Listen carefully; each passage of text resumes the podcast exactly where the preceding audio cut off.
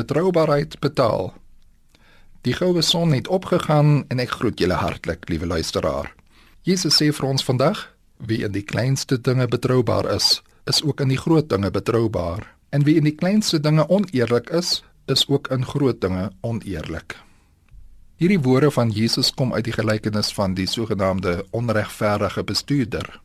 Die verhaal vertel van 'n korrupte manager, so ons sê, wat sy baas se geld verkwansel het en hy sou afgedank word.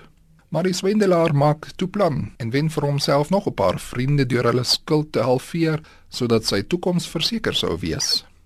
En dan staan daar: Die baas het hierdie boefbestuurder geloof omdat hy slim was. Jesus gaan verduidelik vir sy disippels afsluitend: Die kinders van hierdie wêreld is slimmer as die kinders van die lig.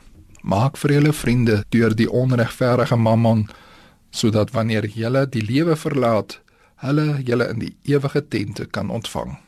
Twee punte wat ons vandag saamneem. Hierdie wêreld was nog altyd korrup, dis maar hoe dit gaan. Maar kyk net hoe hierdie bose mense dag en nag daarop uit is om hulle toekoms te verseker. Hoeveel te meer julle kinders van die lig wat na die ewige lewe streef. Hulle jaag na verganklike goed wat in elk geval geen blywende waarde het nie. Julle daarteen weet mos wat vir ewig van waarde is. Hulle soek op hulle korrupte manier vriende. Julle egter maak vriende met mense wat julle na hierdie lewe in die hemel sal welkom heet. Gaan maak vriende. So die tweede punt, hoe maak ons dan vriende?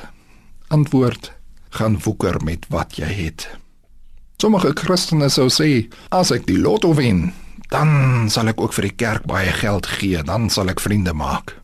Nee, jy sal nie, want die lotto sal nie jou hart verander nie. Trouwens mees al verdraai te veel geld mense se koppe. Hoe sê die gesegde, geld is 'n goeie knegg, maar 'n slegte baas. As jou hart reg is, sal jy met elke bietjie wat jy het omsigtig omgaan. Want wat jy ook al het, is van God aan jou toevertrou. As jy baie besittings het, werk daarmee soos 'n goeie betroubare bestuurder van God se gawe.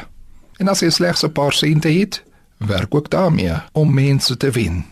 En alles dit net met 'n paar goeie woorde waarmee jy vriendskapsbande bou. Die Here is nog nie klaar met jou nie. Woeker met wat jy het. As jy in klein goedjies betroubaar bevind word, sal die Here aan jou ook groter dinge opdra. Betroubaarheid betaal. Ons bid. Ons Vader, gee vir ons ons daaglikse brood.